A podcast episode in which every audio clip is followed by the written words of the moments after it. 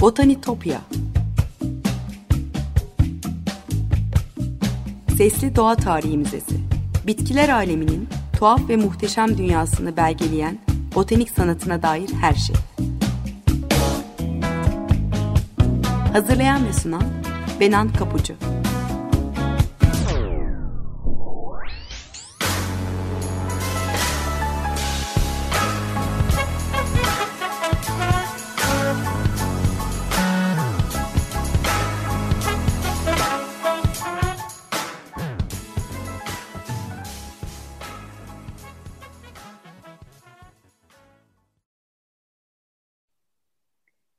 Merhaba sevgili Açık Radyo dinleyicileri. Botanitopya'ya, bitkiler aleminin tuhaf ve muhteşem dünyasına hoş geldiniz. Anlatıcınız ben Benan Kapucu. botanitopya.gmail.com elektronik posta adresinden ya da aynı adlı Twitter ve Instagram hesaplarından bana her zaman ulaşabilir. Anlattığım konuyla ilgili görüşlerinizi ya da katkılarınızı paylaşabilirsiniz. E, programda değindiğim kimi konuları görsellerle ve linklerle destekliyorum. O yüzden takipte olursanız çok çok sevinirim. Geçmiş kayıtları da Spotify'dan Açık Radyo Podcast'ı üzerinden ulaşma şansınız var. Bunu da tekrar hatırlatmış olayım. Sevgili dinleyiciler bugün çok değerli bir konum var. Ee, onunla çocuk kitaplarında e, doğayı e, konuşacağız. Çocuklara erken yaşta doğayı nasıl sevdirebileceğimizi konuşacağız. E, çocuk kitapları yazarı, çevirmeni ve editörü Sima Özkan konuğum. Hoş geldiniz Sima, nasılsınız? Hoş bulduk Beren Hanım. Teşekkürler. Siz nasılsınız? Çok teşekkür ederim. E, harika çalışmalar yapıyorsunuz. Okul öncesi çocuklarla e, doğa üzerine konuşuyorsunuz. Onlara doğayı sevdirmeye yönelik etkinlikler yapıyorsunuz. E, birbirinden güzel kitaplarınız var. Aslında önce isterseniz sizi konuşmakla başlayalım. Sizin hikayenize başlayalım. Dinleyicilerimiz sizi tanıtsın. E, nasıl bir eğitim aldınız? Doğa sevginiz nereden başladı? Önce sizi tanıyalım sonra devam edelim. Çok teşekkürler. Ee, Sima Bursa'da dünyaya geldi. Bursalı bir kız çocuğu aslında. Üniversite eğitimi için İstanbul'a gelene kadar e, Bursa'nın, Yeşil Bursa'nın, Bursa hala yeşilliğini elbette korumaya devam ediyor. Doğada bol vakit geçiren bir çocuktu, şanslıydı. Çünkü ailesi de doğa sevgisi oldukça yüksek olan bir aile. Ee, anneannesi sayesinde özellikle bitkilerin, toprağın nasıl kullanılacağını, bitkileri nasıl sevebileceğimi ondan öğrendiğimi söyleyebilirim. Ee, bir ormanın kıyısında küçük bir bahçeli bir evde büyüdüm. Çocukluğum öyle geçti. Ve bütün vahşi hayvanları da görme, e, onlarla vakit geçirme şansına sahip oldum. Bu yüzden aslında e, en başta küçük yaşta doğa sevgisinin oluştuğunu kendi üzerimde gözlemlediğimi söyleyebilirim. Hiçbir canlıdan korkmamayı, toprağa dokunmaktan, çiçeklerle, bitkilerle vakit geçirmekten. E, hatta çok sevdiğim bir kitap vardır Yeşil Parmaklı Tistu diye. E, anneannem her zaman bazı insanların ellerinin doğaya yatkın olduğunu, e, ektiği, biçtiği her şeyin tuttuğunu, yeşerdiğini söyler.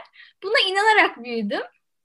Ve eğitimim aslında hep e, kitap sevgisiyle de harmanlanınca e, ben İstanbul Üniversitesi'nde e, Amerika Edebiyatı ve Dramatürji eğitimleri aldım ve yine edebiyat üzerine yüksek lisansa devam ettim. Hep aslında yazar olmak, şair olmak hayalimdi. E, genç yaşta da bu hayalimi gerçekleştirdim. Tabii ki kitaplarımın konusu da e, doğa aşkım ve doğa sevgimle harmanlanması hiç şaşırtıcı olmadı benim için. E, tam olarak aslında kendi okumayı sevdiğim kitapları, çocukların dinlemesini, çocukların keşfetmesini istediğim konular hakkında yazdım. E, böyle de devam ediyor. Özellikle tohum saçan şapka değil mi? Ee, orada özellikle bahsediyorsunuz. Ee, biraz bu kitabınızdan bahseder misiniz bize? Tabii ki. E, ben e, tohum koleksiyonu yapan bir insanım e, kendimce. E, biyoloji olan ilgim çok geç yaşta ortaya çıktığı için elbette tüm bunları her zaman tırnak içinde kendimce diyorum. E, kendimi bu konuda eğitmeye, eksiklerimi gidermeye çalışıyorum. Bitkilerle de aslında tanışmam e, hep el yordamıyla ve amatörceydi. Anneannemden öğrendiğim şekilde. Çiçeklerin ismi bile aslında benim bildiğim Bursa'daki isimler. Burada söylediğimde bazen insanlar hangi çiçekten bahsettiğimi bile anlamayabiliyor. E, bu kitapta şöyle o tohum koleksiyonu yapmaya başladığımda e, çocuklarla bunları paylaşıyordum. Çünkü ben e, doğa gözlemlerine çok önem veriyorum ve m, küçük bir defterim var. E, doğada çıkan kır çiçeklerinden gittiğim, gezdiğim yerlerdeki, Ege'deki, Akdeniz'deki gözlemlediğim çiçekler. Onlarda örnekler alıp böyle yapıştıran defterine saklayan öyle bir insandım. E, en fazla da aslında dikkatimi çeken gittiğim yerlerdeki bitkilerdeki farklılıklardı. Ee, örneğin 3 yıl önce Kıbrıs'a gittiğimde orada çok farklı çiçeklerin tohumlarını gördüm. Hiç daha önce görmediğim çiçeklerdi ve e, onları saklamaya karar verdim. Böyle böyle yediğim ilginç meyvelerin, yemişlerin çekirdeklerini saklamaya başladım ve bunları aslında çocuklarla paylaşmak için e, yapıyorum. Bu yüzden de aslında amatörce ve e, basit bir şekilde yürütmeye çalışıyorum bu uğraşımı. Onlara tohumların farklılıklarını anlatmaya çalışıyorum. Neden renkleri farklı, neden şekilleri farklı, e, neden bazıları kuşlar tarafından çimlendirilirken bazıları biz insanların üzerine yapışan tohumlar var. Biz onları taşıyoruz ve diğer diğer götürüyoruz. Ayakkabımızın bağcığına yapışan var, ayakkabımızın içine giren var biz aslında önce ellerimizle sonra farkında olmadan kendimiz yolculuk ederek tohumları taşıyoruz aslında bir yerlere. Kuşlar, rüzgar, yağmur e, birçok etken olduğunu bu kitapta aslında en çok bunu anlatmaya çalıştım. Bir şapka metaforu üzerinden tohumların yolculuğunu anlatıyorum aslında. O rüzgara kapılan bir e, şapka ama biz insanlar başta ve dünyayı paylaştığımız, bizimle birlikte tohumlarla beslenen tüm canlıların tohumları uyandıran e, varlıklar olduğumuzu anlatmaya çalışıyorum çocuklara. Aslında Ve onları çok etkiliyor bu.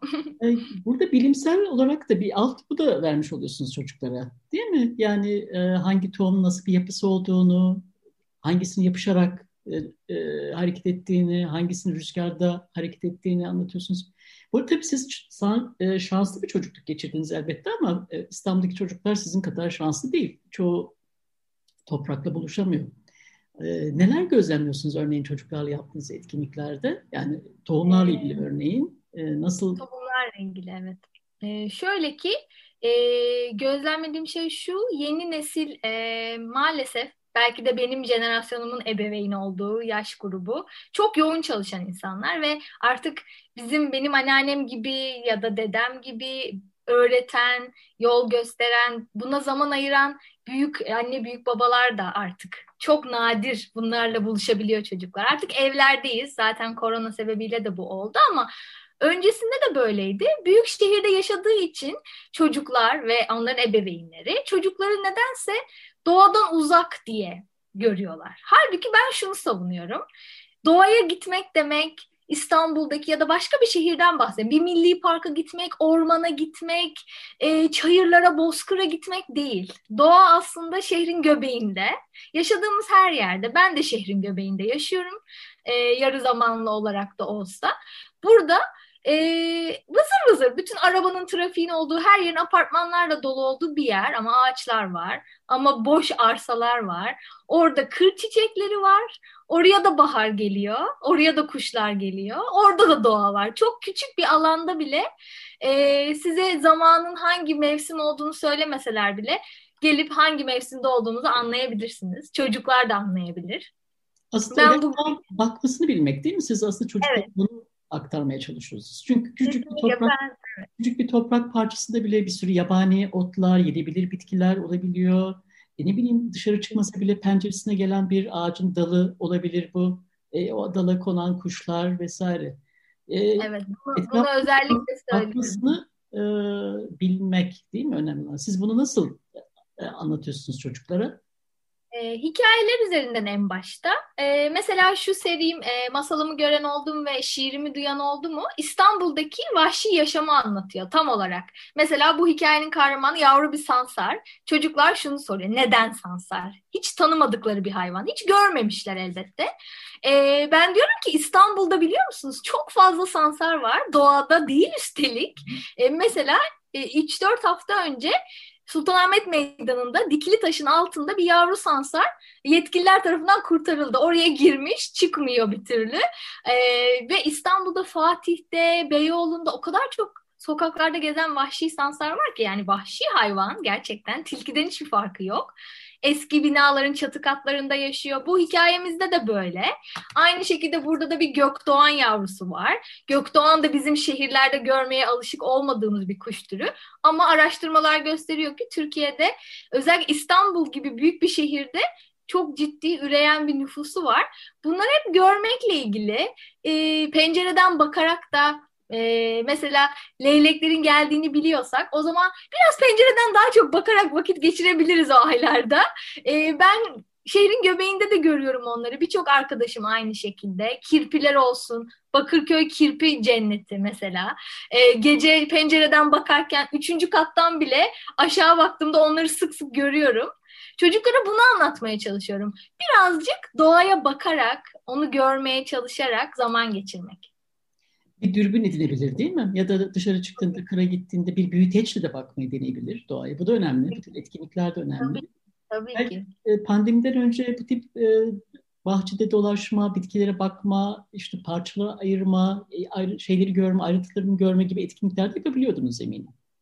Evet, evet. Çocuklarla doğada da vakit geçiriyorduk bol bol. Özellikle onlarla birlikte kompost yapıyorduk. Hem doğada e, benim korsan kompostu dediğim gömerek hem e, kompost yapılan özel bazı belediyelerin çalışmaları var. Oralarda bir araya gelip çocuklarla gerçek kompost sandıklarında Kaliforniya solucanlarını inceleyerek onların nasıl e, oburca yemek yediklerini ve bize gübre verdiklerini sonra o gübreleri kullanarak birlikte tohum çimlendiriyorduk. E, bitkilerimizi filizlendiriyorduk e, gerçekten o evre evre görmeleri çocuklarda çok büyük faydaya sebep oluyor. Solucanın toprağa kattığı şeyi görüp e, o gübreyi yeniden bitkinin yeşermesine bir faydası olduğunu. Bunu kitapta okumak tabii ki çok güzel bir şey ama gerçekten o solucana dokunarak onun farklı bir yapısı olduğunu, neden öyle kaygan ve yapış yapış. Biz iğreniyoruz ama bunun bir sebebi var. Bunu toprakta o rahatlıkla hareket edebilmesi için olduğunu söylemem farklı. Kitapta okumaları farklı ama onu bizzat görmeleri,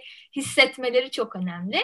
Bunlar tabii ki birazcık sekteye uğradı korona yüzünden ama yine de çocuklar hikayelerle kavuştuğunda merak edip e, çıkıp bahçede solucanları buluyorlar.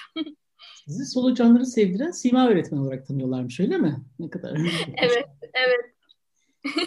Evet sayemde çok çocuk solucan korkusunu ve iğrenme duygusunu yendi. Bu da beni çok mutlu ediyor. Tabii çoğu çocuk e, işte meyvelerin nereden geldiğini de bilmiyor değil mi? O da önemli aslında. İşte hangi bitkinin hangi kısmının meyveye dönüştüğünü bilmesi önemli. Çile, çileklerin nerede yetiştiği, çoğu işte ağaçta yetiştiğini biliyor ya da değil mi? Öyle yanlışlıklar da var. Peki bir başka kitabınızdan da konuşalım. Deniz'in Sıfır Atık kitabı. Ee, o da hoş bir kitap. Ee, burada neler anlatıyorsunuz? Onu paylaşalım dinleyicilerimizle. Tabii ki. Deniz'in Sıfır Atık kitabı da e, benim kitaplarım aslında birbirini doğuran kitaplar. E, doğa sevgim anlamında ilk yazdığım kitap aslında Soso, Kompost kitabıydı. Kompost da e, sıfır atık dediğimiz artık günümüzde çok yaygın kullandığımız bu kavramın beş adımından biri aslında atıklarımızı azaltmak için.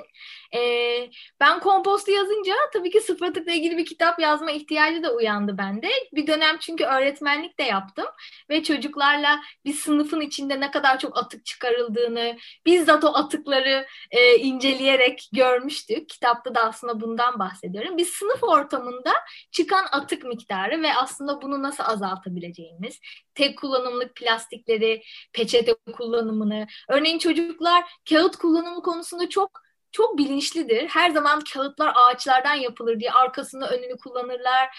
Çizdikleri şeylerle başka projeler yaparlar. Çok çocuklara bir şey öğretti, öğrendiklerinde onu çok ciddi bir şekilde savunabiliyorlar. Ama peçetelerinde ağaçlardan üretildiğini, bu büyük ormanların, ticari ormanların bir zamanlar e, yani Çocuklar mesela sürekli şöyle söylüyor işte e, kağıtlar, peçeteler ağaçlardan yapılıyor ve zannediyorlar ki e, Türkiye'deki bir orman ya da dünyada çok sevdiği bir orman kesiliyor ve oradaki ağaçlardan yapılıyor kağıt.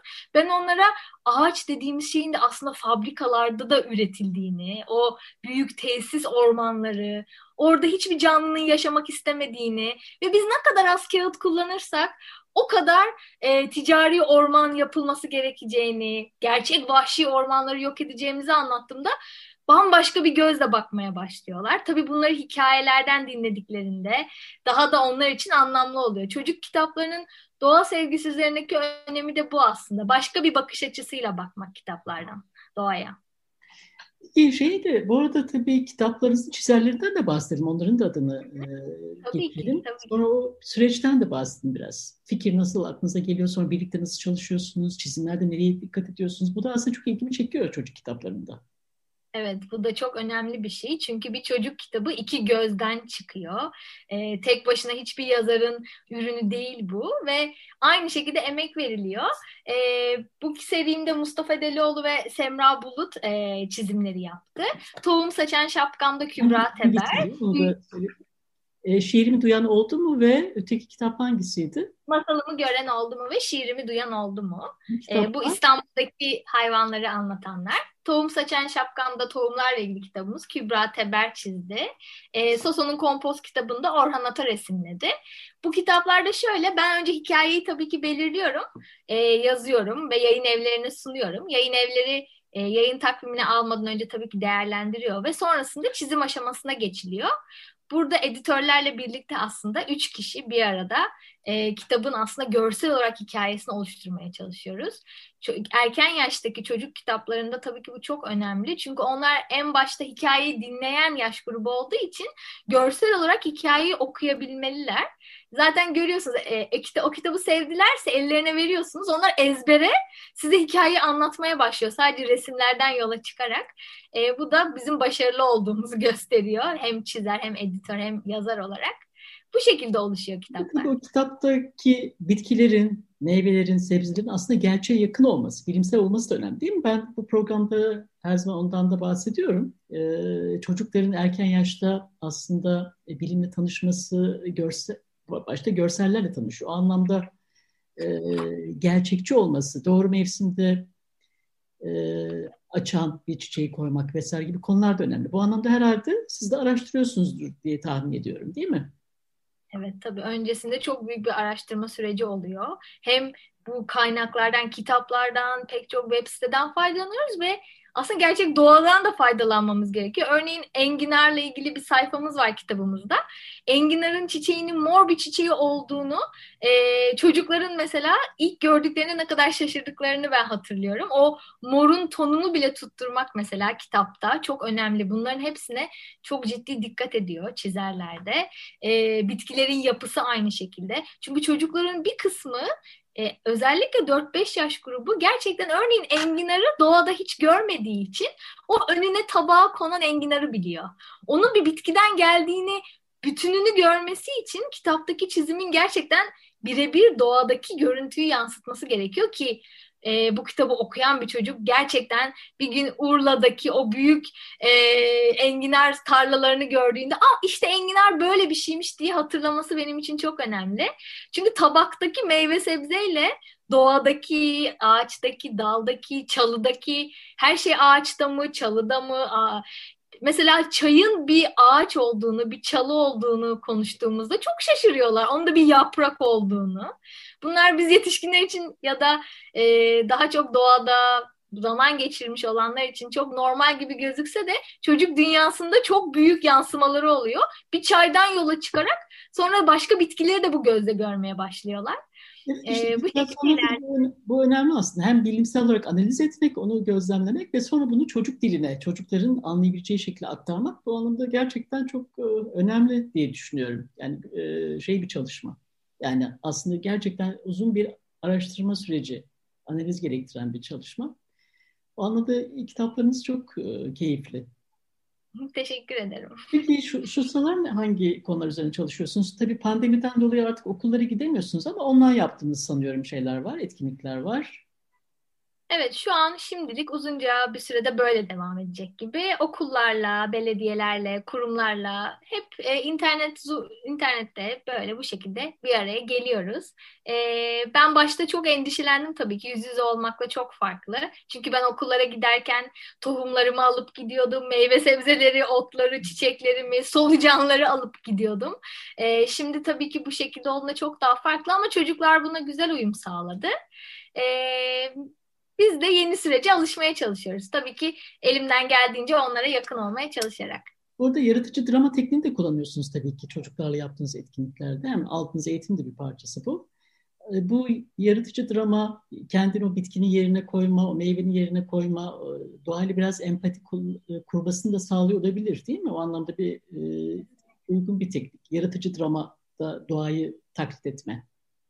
Evet, doğayı taklit etme zaten çocukların en sevdiği şey. Solucan olalım dediğimizde e, en güzel oldukları şey solucanlar gibi hareket etmek ya da bir tohumun uyanışı, bir tohumun uyanması için nelere ihtiyacımız olduğu. Tüm bunları aslında bir araya geldiğimizde daha uygulamalı bir şekilde yapıyorduk. E, bu bize aslında biz insanların da doğanın bir parçası olduğunu çocuklara hatırlatıyor. Bizim de tıpkı e, bitkiler gibi ayaklarımız olduğunu. Ben özellikle bitkileri bu şekilde anlatmayı çok seviyorum insanlara benzeterek. Çünkü çocuklar bitkilerin hareket etmediğini, bitkilerin yürümediğini düşünüyor. E, onlara bunun örneklerini veriyorum fotoğraflarla ve aynı zamanda tohumlar üzerinden tohumlar hareket ediyorsa diyorum zaten bitkilerin e, hareket ettiği de ortada. Özellikle e, mesela domates bitkisi üzerinden onların e, domatesin nasıl farklı bir kokusu olduğunu, böcekleri kendine nasıl çektiğini, aslında bitkilerin de elleri, avuçları olduğunu, el salladıklarını, hoşça kal dediklerini, tüm bunları aslında canlandırdığınızda çocuklar bitkilerin de canlı olduğunu yeniden fark ediyor. E, bu da çok keyifli oluyor. İlginç sorular soruyorlardır değil mi çocuklar size? Hiç aklınızda evet. var mı? Neler soruyorlar örneğin? Ee, çok çok farklı şeylerle gelen çocuklar var. Örneğin bana önerilerle gelenler, e, sordukları sorularla benim kendi birikimimi, bilgilerimi değerlendirmem gereken durumlar oluyor. Örneğin daha bu sabah bir çocuk bana evinde uyguladığı e, bitki coşturucu bazı karışımlardan bahsetti. Öyle güzel anlattı ki böyle hayranlıkla dinledim. İşte muz kabuğunu e, şu kadar gün suda bekletiyorum. İçine mor soğanın kabuklarını koyuyorum. Şu şu şu bitkilerde işe yarıyor ama şunda yaramıyor diye anlatabiliyorlar. Siz ne kullanıyorsunuz diyorlar. çok çok farklı şeyler gelebiliyor. Yani çok ilgili çocuklar da var. Ee, ben çok ümitliyim bu, bu, bu yeni jenerasyondan bir yandan da. Aslında İstanbul'daki çocuklarla e, ne bileyim Anadolu kendindeki çocuklar arasında fark vardır umarım. Yani böyle gözlemleriniz var mı? Yani doğanın içinde çok... yaşayan çocukların bilgisi çok daha farklı tabii. Yani doğanın içinde yaşamak bir yana e, çok hani nasıl söyleyebilirim? Ee, İzmir çok farklı oluyor mesela. Oradaki çocuklar gerçekten doğada daha çok vakit geçiren. Onu görebiliyorum, gözlemleyebiliyorum. Ee, mesela daha doğuya gittiğimizde çok daha güzel örnekler var. Ee, çocuklar birebir tarlalara da giden, oradaki bitkilerin gelişimini daha da meraklı olan çocuklar. Tabii ki anne babaları bundan geçindikleri için bunun da faydası var ama ben sadece e, yani sosyo-kültürel seviye olarak aynı çocuklarda da bunu gözlemliyorum. Ben solucan kompostu diyorum. Çocuk bu ben o kitabı okuyacağım için hazırlıklı bir şekilde bana ineğin, koyunun, keçinin gübresini de getiriyor ve şu amaçla getiriyor. Siz bilmiyorsunuzdur, İstanbul'da görmemişsinizdir. Ben size göstermek istedim. E, ve arkadaşlarım da koku farkını görsün istedim diyor. Mesela solucan kompostunun kokmadığını biliyor ama inek ve keçi kokuyor diyor. Hani çocuklar bu tarz etkinliklerde beş duyularını da kullandığı için ben de onlardan çok şey öğreniyorum. Harika. O kadar güzel anlattınız ki renk kattınız programa. Yarım saat geçip bile hiç anlayamadım doğrusu. Teşekkür ederim. Son olarak söylemek istediğiniz bir şey var mı programı kapatalım? Ee, çocukları doğaya biraz daha dikkatle bakmaya çağırıyorum ve kitaplardan da vazgeçmemelerini. Lütfen onlar yavaşlasın. Onlar çok güzel yavaş yavaş adımlarla meraklı meraklı yürürler. Hangi anne babanın elinden, hangi ebeveynin elinden tutuyorlarsa onları da yavaşlatsınlar. Hep beraber doğayı gözlemlesinler. Bunu dilerim. Harika bir mesaj oldu. Renk attığınız programında çok çok teşekkür ederim. İyi ki vakit e, ayırıp geldiniz. Çok çok sağ olun. Çok teşekkür ederim. Ben de davetiniz için teşekkür ederim. Büyük bir zevkti. Evet sevgili dinciler, e, Botanitopya'daki keşif yolcumuz bu hafta buraya kadar olsun. Çevirmen, çocuk kitapları yazarı ve editör Sima Özkan ile beraberdik. E, programı kapatırken sosyal medya hesaplarını tekrar hatırlatayım. Botanitopya adlı Twitter ve Instagram hesaplarından bana ulaşabilirsiniz. Yorumlarınızı ve konuyla ilgili katkınızı paylaşabilirsiniz. Bir daha görüşünceye dek sevgiyle ve duayla kalın.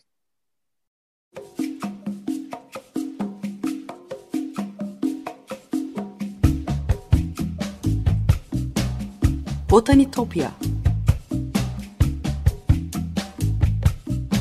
Sesli Doğa Tarihi Müzesi Bitkiler aleminin tuhaf ve muhteşem dünyasını belgeleyen botanik sanatına dair her şey. Hazırlayan ve sunan Benan Kapucu